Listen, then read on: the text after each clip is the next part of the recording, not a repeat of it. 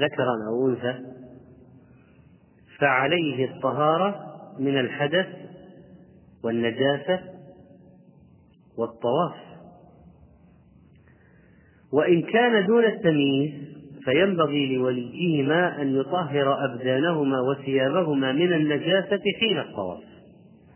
فإذا أراد إذن أن يطوف بهما فإنه يطهرهما من النجاسة من البدن والثياب.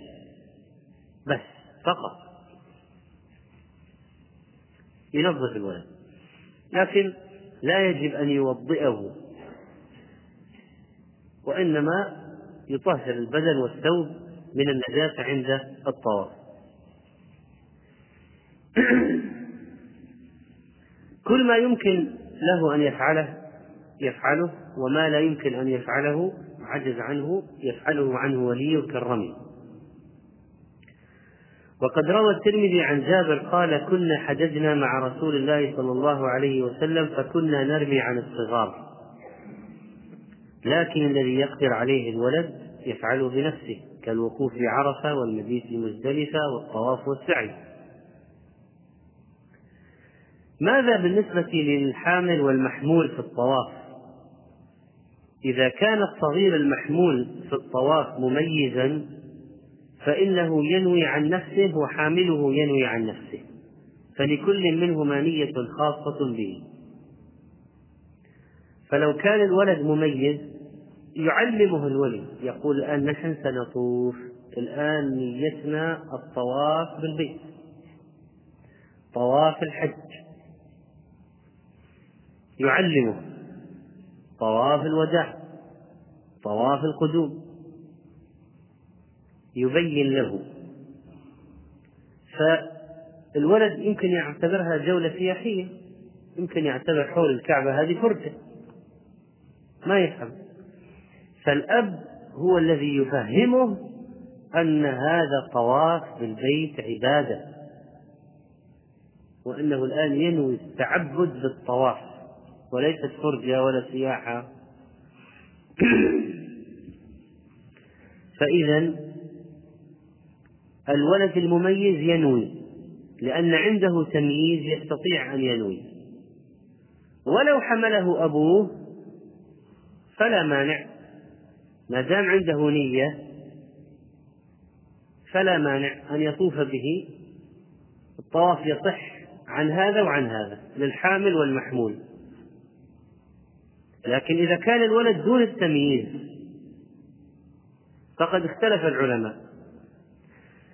هل يصح الطواف عن الحامل والمحمول أو لابد أن الحامل يعمل يطوف وحده ثم يحمل الولد ويطوف به سبعا أخرى؟ والراجح والله أعلم أن الطواف الواحد سبع أشواط يجزئ عن الحامل والمحمول ولو كان الولد غير مميز. ولو كان الولد غير مميز. لأن النبي صلى الله عليه وسلم لم يأمر المرأة التي سألته أن تطوف له وحده. ما قال؟ لما قالت ألهذا حج قال نعم لكن انتبهي. الطواف سبعة لك وسبعة أخرى للولد. ما قال هذا. ولو كان لا يجزئ الطواف عن الحامل والمحمول في ذات الوقت كان بين لها. لكن إذا أراد الإنسان يعني الاحتياط والخروج من خلاف العلماء وأن يفعل فعلا لا اعتراض عليه من أحد من أهل العلم فليطف سبعا عن نفسه أولا ثم يحمل الولد ويطوف به سبعا. هذا الحديث يدل على قبول العبادة من الصغار وإثابتهم عليها وعلى قضية التدريب والتمرين على طاعة الله وعلى صحبة أهل الفضل والعلم لا سيما في السفر وعلى جواز استفتاء المرأة للرجل الثقة وعلى أن المرأة تلي شؤون ولدها ولو كان أبوه موجودا ما دام الأصلح. أن تعمل هي له أمرا فإنها تعمله له. لأن النبي عليه الصلاة والسلام لم يستفسر عن وجود أبيه. وكذلك فإن الحج عن الصبي الحج للصبي صحيح شرعا. فماذا بالنسبة للحج عن الميت.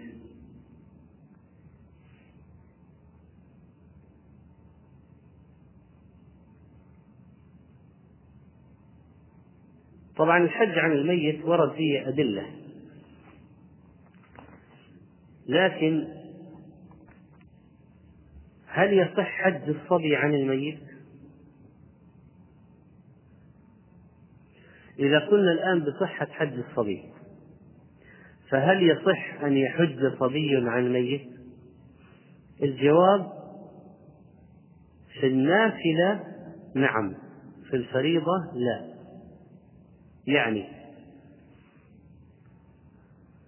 لو كان لك قريب ميت ما حج الفريضة فلا يصح أن تأمر ولدك الصغير أن يحج عنه. لأنه صغير. وما حج أصلا الفريضة عن نفسه حتى يحج عن غيره. أما أنت إذا حجزت الفريضة عن نفسك يجزئ أن تحج عن هذا الميت ولك أجر طيب لو كان الميت حج الفريضة وأنت تريد أن تحسن إليه بحجة لكن لا تريد أن تهب ثواب حجتك أنت له. وإنما تريد أن ولدك الصغير يعمل الحج لهذا الميت. فأردت أن تحسن إلى أبيك الميت. فقلت لولدك الصغير حج عن جدك يا أيها الولد. فأنت جعلت حجتك لنفسك وحجة ولدك لجده. وهذه حجة نافلة. ليست فريضة على الجد وإنما نافلة للجد. فالجواب يصح يصح هذا. والميت إذا كان حج الفريضة عن نفسه يكفي. عليك بالدعاء له في حجتك. وابقي أجر حجتك لنفسك. وكذلك فإن الذكر يمكن أن يحج عن الأنثى والأنثى تحج عن الذكر. ما في مانع. فيجوز لبنت أن تحج عن أبيها المتوفى الذي لم يحج الفريضة وهي حجة الفريضة. يجوز أن تحج عنه ولو كانت أنثى وهي ذكر. وعن ابن عباس رضي الله عنهما قال كان الفضل بن عباس رضي الله عنهما رديف رسول الله صلى الله عليه وسلم. فجاءت امرأة من خثعم فجعل الفضل ينظر إليها وتنظر إليه وجعل النبي صلى الله عليه وسلم يصرف وجه الفضل إلى الشق الآخر. فقالت يا رسول الله إن فريضة الله على عباده في الحج أدركت أبي شيخا كبيرا لا يثبت على الراحلة أفأحج عنه؟ قال نعم وذلك في حجة الوداع متفق عليه. ومعنى رجيف يعني راكب خلفه وخشعم قبيلة قحطانية ينتهي نسبها إلى كهلان وهي من القبائل المشهورة وقوله صرف يصرف وجه الفضل إلى الشق الآخر يعني إلى الجانب الآخر. ومعنى فريضة الله أدركت يعني لحقت أبي شيخا كبيرا لا يثبت على الراحلة لا يستقر عليها ولا يدوم.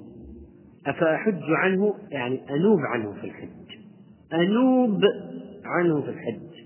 قال نعم. قال نعم.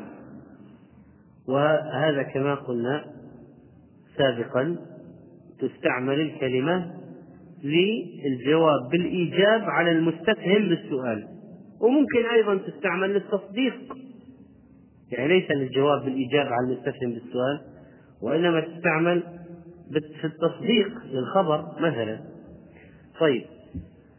حجة الوداع التي حجها النبي صلى الله عليه وسلم ولم يحج بعدها وكذلك لم يحج قبلها وكانت في السنة العاشرة للهجرة. الحديث يدل على تحريم النظر المرأة الأجنبية. وعلى ابتعاد الإنسان عن مواقع الفتنة وعلى النهي عن المنكر وصد الشخص عن النظر وعلى وجوب الحج على المستطيع بماله بالنيابة عنه إذا يئس من أداء الحج بنفسه ولا ينتظر زوال المانع وعلى نيابة المرأة عن الرجل وبالعكس. قال شيخ الإسلام يجوز للرجل الحج عن المرأة باتفاق أهل العلم وكذا العكس عند الأئمة الأربعة وخالف فيه بعض الفقهاء. طبعا الحديث, حجة عليهم. لأن المرأة تريد أن تحج عن أبيها. ومن لا يستطيع أداء الحج ببدنه تكفي النيابة عنه. إذا كان عنده مال ينيب. لكن إذا لم يستطع بالمال هل يجب أن ينيب عنه وهو لا يستطيع؟ لا. إذا القادر ببدنه يحج هو لا يوكل والعاجز ببدنه ماذا يجب عليه؟ أن إذا ما عنده مال لا يجب عليه لا الحج ببل نفسه ولا النيابة. وكذلك فلو أن إنسانا سأل وقال هل يجب أن يكون النائب من بلد الذي سيحج عنه؟ يعني واحد ساكن في المنطقة الشرقية مثلا عاجز عن الحج يريد أن ينيب شخصا بالحج عنه. هل يشترط أن يكون النائب من المنطقة الشرقية؟ أو يجوز أن يكون النائب من المنطقة الوسطى؟ هل يجوز أن يكون النائب من أهل جدة؟ هل يجوز أن يكون من أهل المدينة؟ حيث أن النبي عليه الصلاة والسلام لم يستفصل ولم يفصل فإذا يجوز. الراجح الجواز. أن يكون النائب من غير بلد الذي ينوب عنه.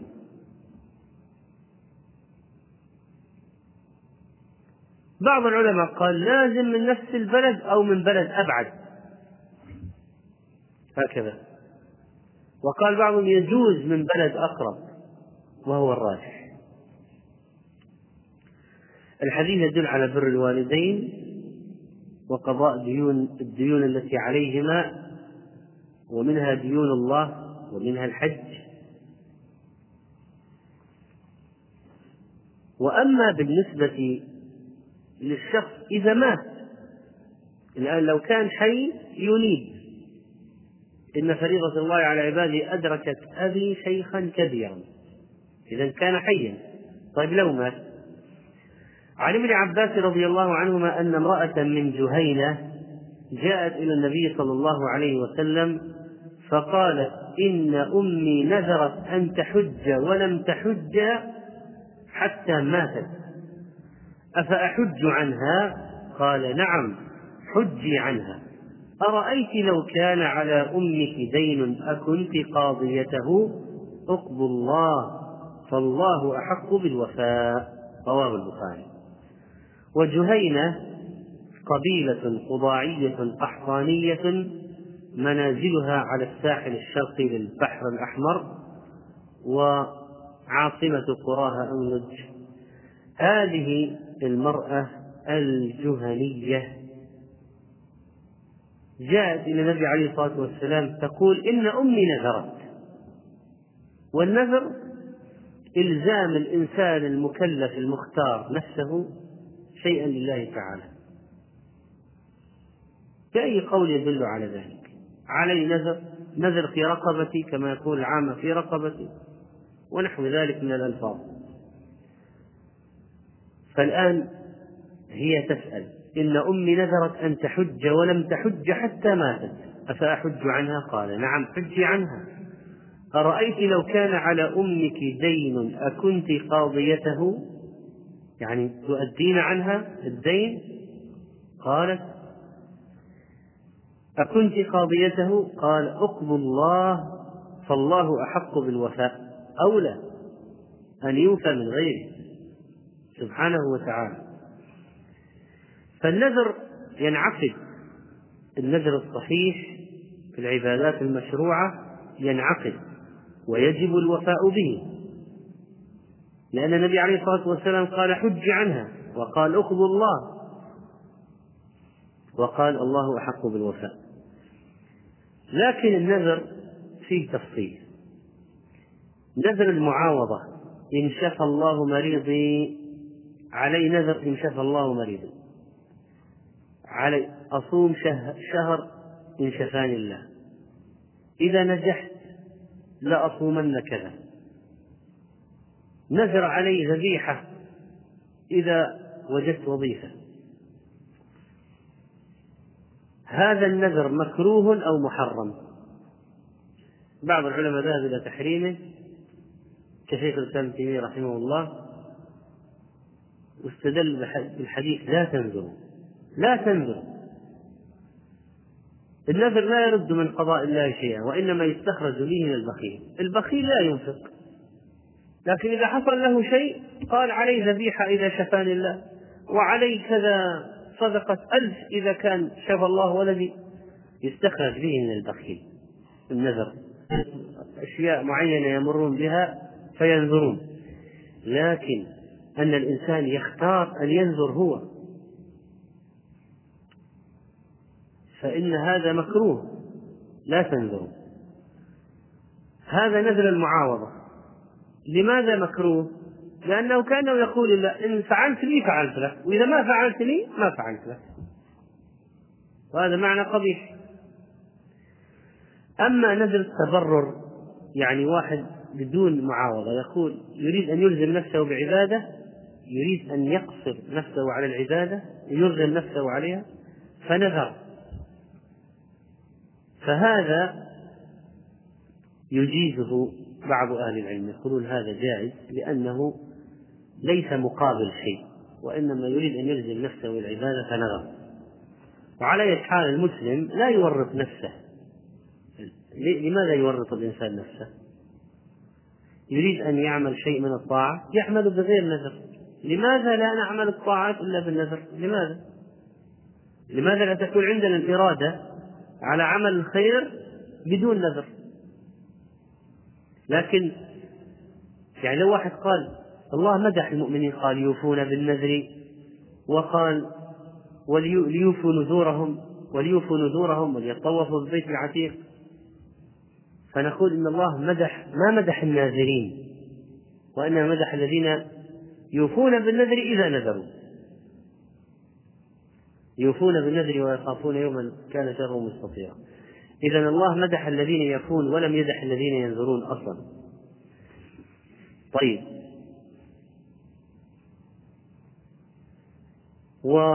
والنذر ينعقد النذر المشروع ينعقد وناذر الحج ينعقد نذره يجب عليه الحج.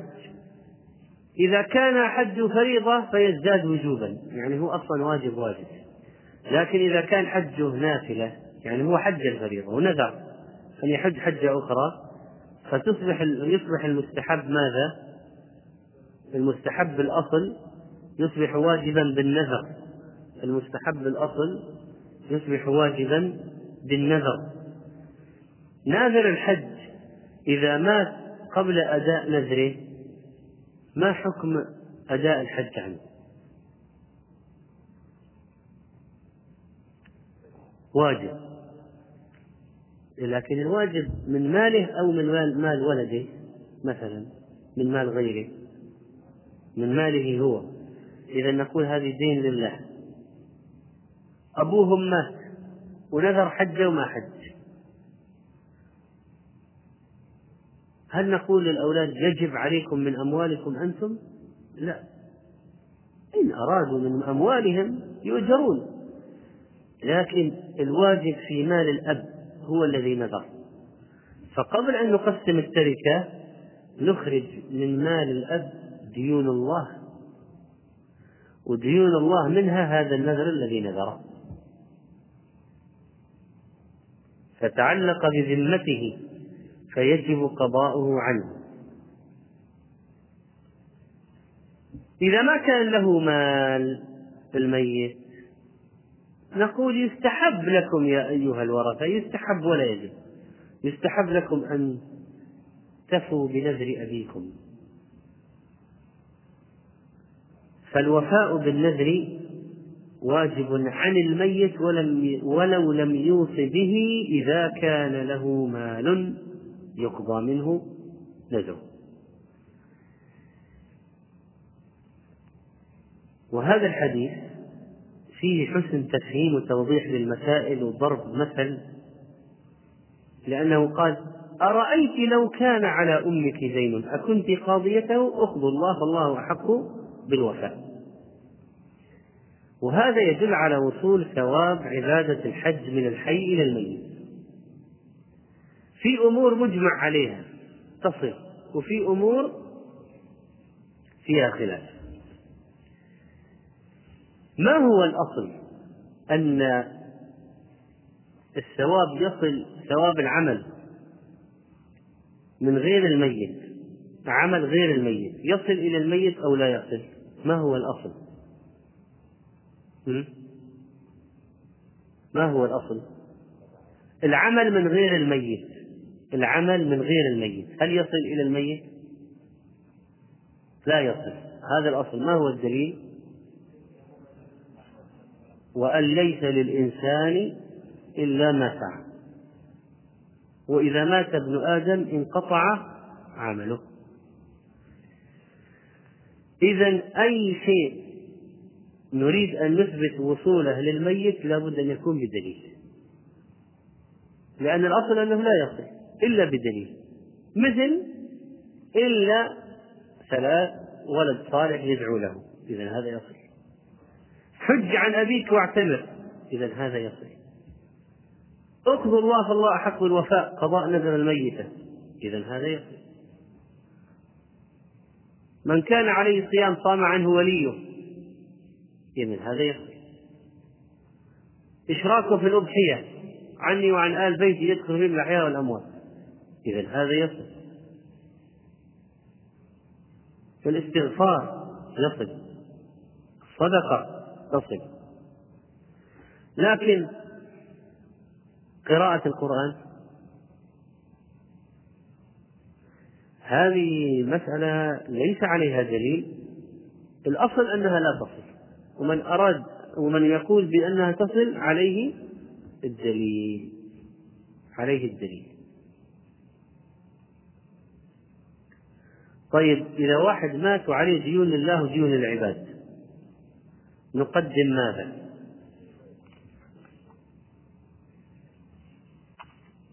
لا نقدم ديون الله. فالله أحق بالوفاء. إذا لو واحد مات وعليه زكاة وعليه دين لأشخاص نقدم أولا حق الله ونخرج الزكاة. كفارة يمين نخرج كفارة يمين. نذر نخرج النذر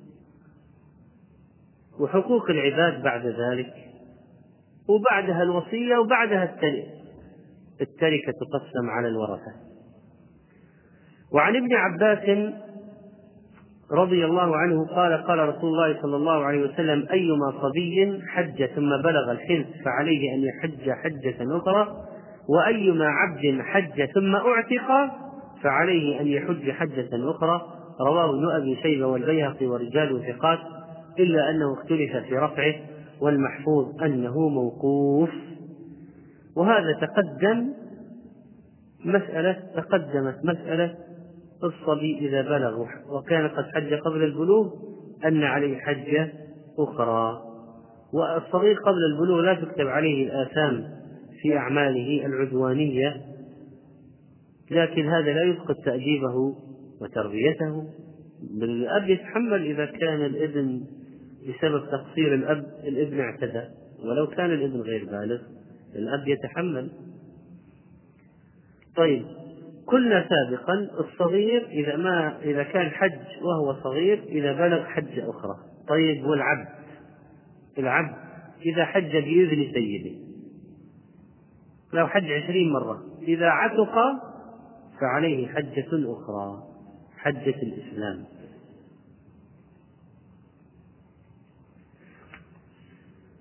و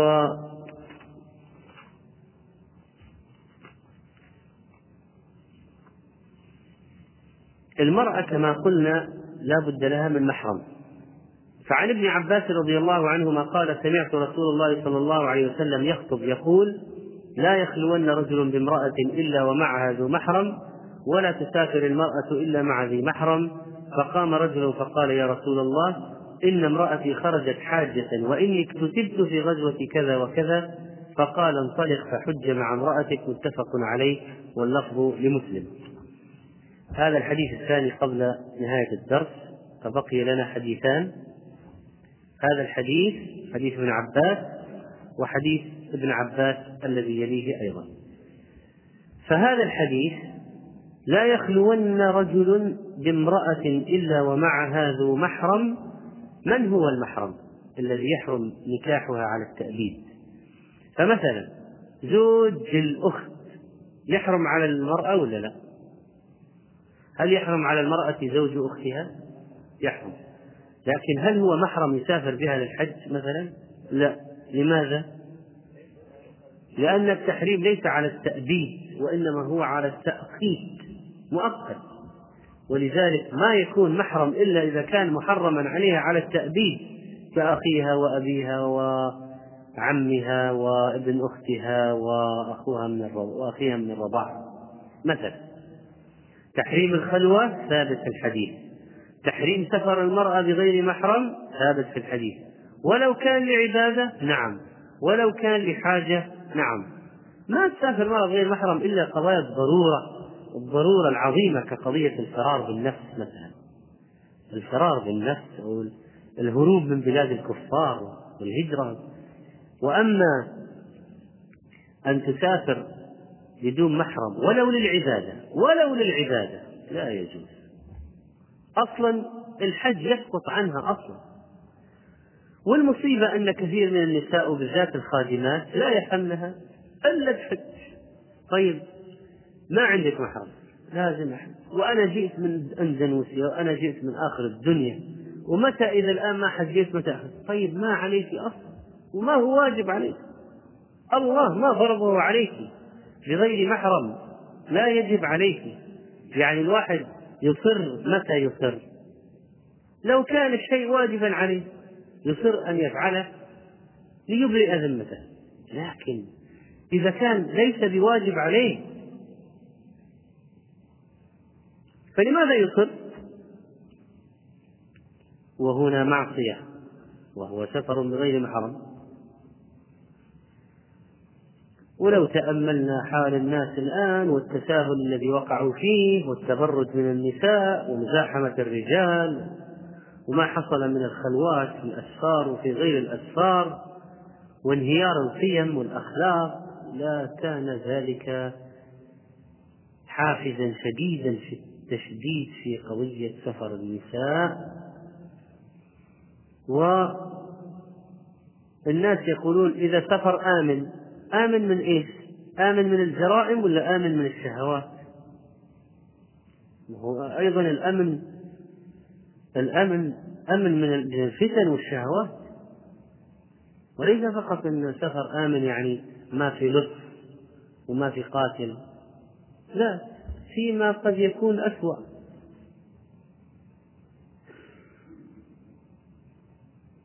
الاعتداء على الأعراض والإغواء والدخول في هذه المحرمات إذا مسألة التساهل التي يفعلها الناس اليوم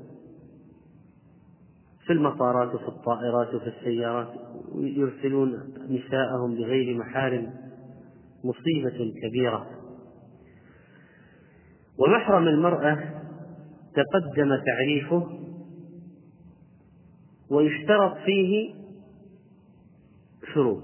أولا الإسلام والبلوغ والذكورة والعقل وأن يكون محرما على التأديب إذا شروط المحرم خمسة.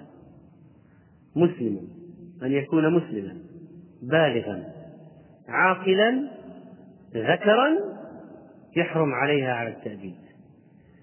فلو كان محرمها مرتد يسب الدين لا يصلي بالكلية ولا يعرف اتجاه القبلة هذا لا يكون محرما.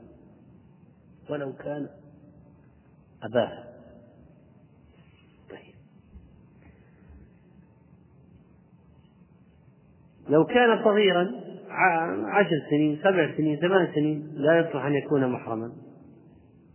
لو كان مجنونا لا يصلح أن يكون محرما. لا يصون عرض أخته وهو مجنون. المرأة لا تكون محرم للمرأة. تقول أنا معي أمي. طيب أمك تبغى تحتاج إلى محرم. ولا تكون المرأة محرم للمرأة. خامسا أن يكون محرما عليها تحريما مؤبدا. طيب. لما قال لا يخلون رجل بامرأة إلا ومعها ذو محرم. يعتبر المحرم لكل من لعورتها حكم. يعني لو قال واحد آه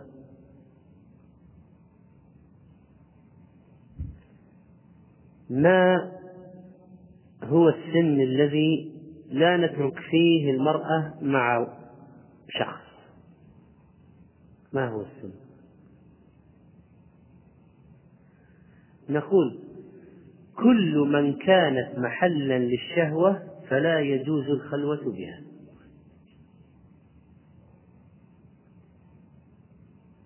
كل من كانت محلا للشهوة فلا يجوز الخلوة بها. يعني أنت ممكن تترك مثلا بنتك عمرها ستة أشهر مع واحد تقول يا أخي أنا الآن خل معك هذه البنت أنا أريد أذهب وأرجع. يجوز؟ نعم لأنها ليست محلا للشهوة. لكن تقول مثلا هذه بنتي عمرها عشر سنين خلى عندك أنا سوف أذهب؟ نقول لا هذه خلوة لا تجوز. إذا إذا هذه مسألة مهمة. يعتبر المحرم لكل من لعورتها حكم. وهي بنت سبع سنين فأكثر لأنها محل شهوة. فإذا كانت محل للشهوة يعني تشتهى يجب أن يتوفر. المحرم ولا يجوز الخلوة بها. لا يجوز الخلوة بها. طيب المرأة الآن التي تريد الحج أو العمرة لا بد لها من محرم. لو رفض الزوج قال أنا لا أذهب للحج معك أنا عندي شغل. قالت أنا دبرت محرم غيرك. وجدت أخي يحج بي. هل يجوز للزوج أن يمنعها؟ إذا كان حج فريضة وعمرة فريضة لا يجوز لا يجوز للزوج أن يمنعها. وعليها أن تحج ولو بغير إذنه.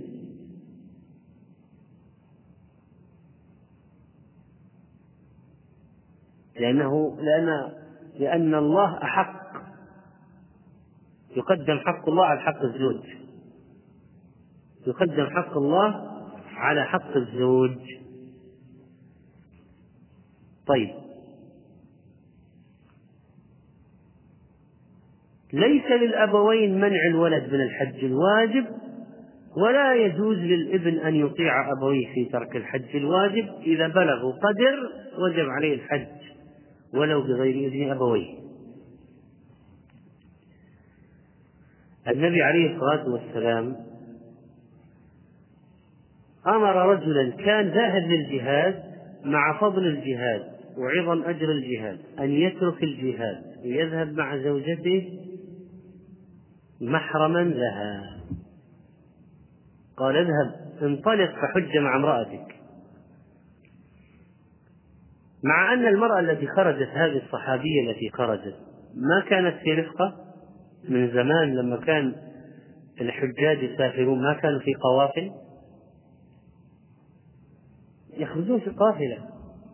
مع ذلك ما رخص للمرأة هذه تروح مع أنها صحابية ومع صحابة ورفقة مأمونة وقافلة والزوج ليس نايم في البيت راح للجهاد. مع ذلك أمره أن يترك الجهاد ويلحق بزوجته لأهمية المحرم. وأخيرا في هذا الدرس حديث ابن عباس رضي الله عنهما أن النبي صلى الله عليه وسلم سمع رجلا يقول لبيك عن شبرمة. قال من شبرمة؟ قال أخ لي أو قريب لي. فقال حججت عن نفسك؟ قال لا. قال حج عن نفسك؟ ثم حج عن شبرمة. رواه أبو داود وابن ماجه وصححه ابن حبان والراجح عند أحمد وقفه. فهذا حديث صحيح وله شاهد مرسل آخر يقوي الموصول. وشبرمة اسم الشخص والحديث يدل على أشياء. أولا ذكر اسم المحجوج عنه. إذا أردت أن تحج عن واحد تذكر اسمه عند الإحرام من الميقات. طيب لو أنك نسيت اسمه أو ذكرت اسمه بالخطأ. قالوا لك حج عن سعد. عند الإحرام قلت لبيك عن سعيد. رجعت. قالوا حجيت عن سعد؟ قلت سعد لا والله حجيت عن سعيد. إن أنت بهذا الخطأ تكون قد حججت عن سعد ولو أخطأت في الاسم لأن العبرة بالنية وليس بالخطأ. ولو أنك نسيت اسمه عند الميقات قلت إيش اسمه هذا نسيت؟ إيش اسمه؟ فقلت لبيك اللهم بحجة عمن وكلوني عنه. عمن وكلت عنه. عمن أنا نائب عنه. لبيك اللهم عن هذا الميت. إذا لو نسيت اسمه فلا يضر ذلك. الحديث يدل على جواز حج الإنسان عن قريبه الميت أو الحي العاجز. الميت أو الحي العاجز. هذا هو الراجح. ثلاثة. الحديث يدل على أن النائب يشترط أن يكون قد حج عن نفسه لكي يحج عن غيره. النائب يشترط أن يكون قد حج عن نفسه لكي يحج عن غيره.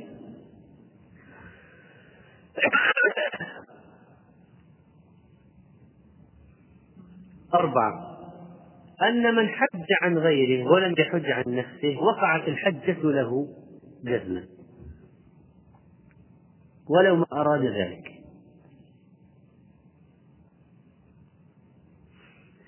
من حج عن غيره ولم يحج عن نفسه وقعت الحجة عن نفسه ولو ما أراد ذلك.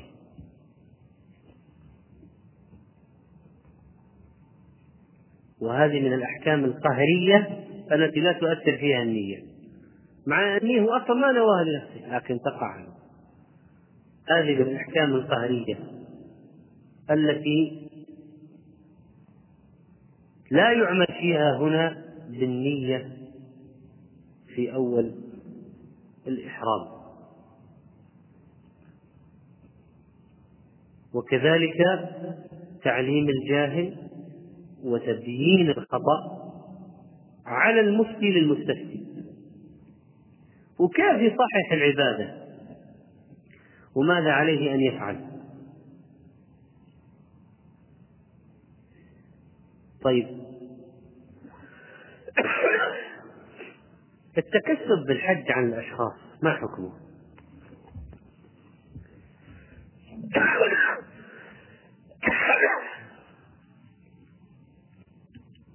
الآن في ناس يأتون يقولون علينا ديون وعلينا يقولون على حج. ما في أحد يحج عنه. ما أحد شوف لنا حجة يكون من واحد غني. ستة آلاف سبعة آلاف. أنا أحج بطريقتي بألفين والباقي أقضي به ديني وأتكسب منه. هذا العمل مذموم جدا. ومن حج ليأخذ فليس له عند الله من خلاق لأن قصده الدنيا والحج وسيلة. لكن من أخذ ليحج يعني واحد يريد الحج لكن ما عنده مال. قال أنا أشتهي أشوف عرفة أشتهي أن أرى الكعبة. أنا حجيت فريضة من من عشرين سنة. لكن الآن اشتهيت. أتمنى أن أذهب إلى مكة لكن ما عندي مال. جاءني واحد قال حج عن أبي خذ المال. حج به عن أبي. فهذا الرجل قال طيب أذهب أنا أحج عن هذا الميت وأدعو لنفسي ويرتفع إيماني وأرى المشاعر والمناسك وأشهد منافع. نقول ما دامت هذه نيتك نية صالحة ما ليس قصدك المال ولا التفت إلى المال فأنت مأجور. والأجر لمن حدثت عنه أجر الحجة الواجبات والأركان. وأنت لك أجر السنن والمستحبات والنوافل والدعوات والأذكار.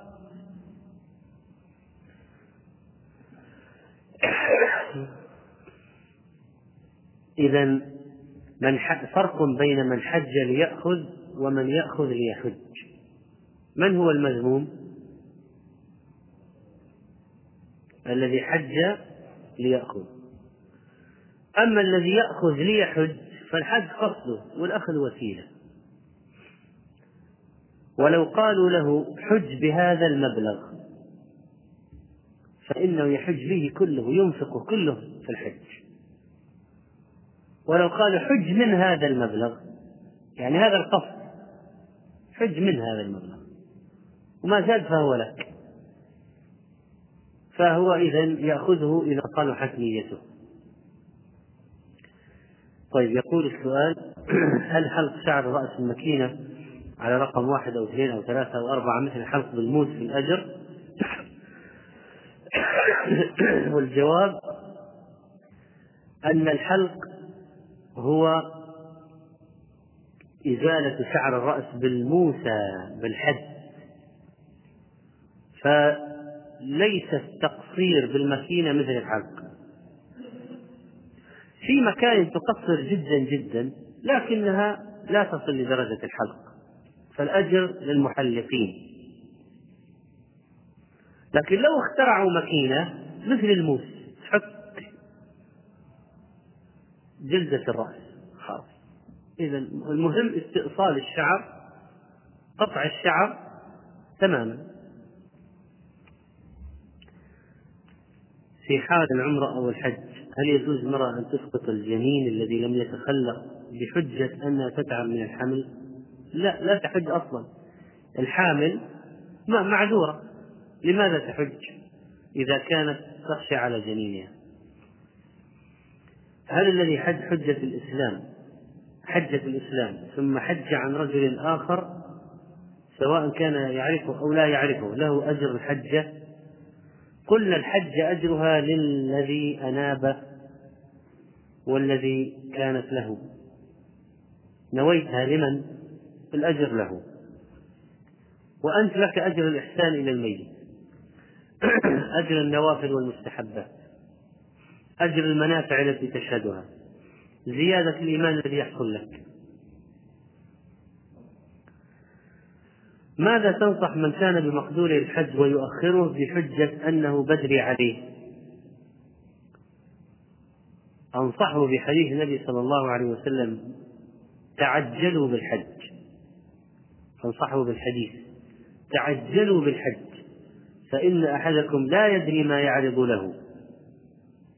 مرض فقر لا يدري ما يعرض له.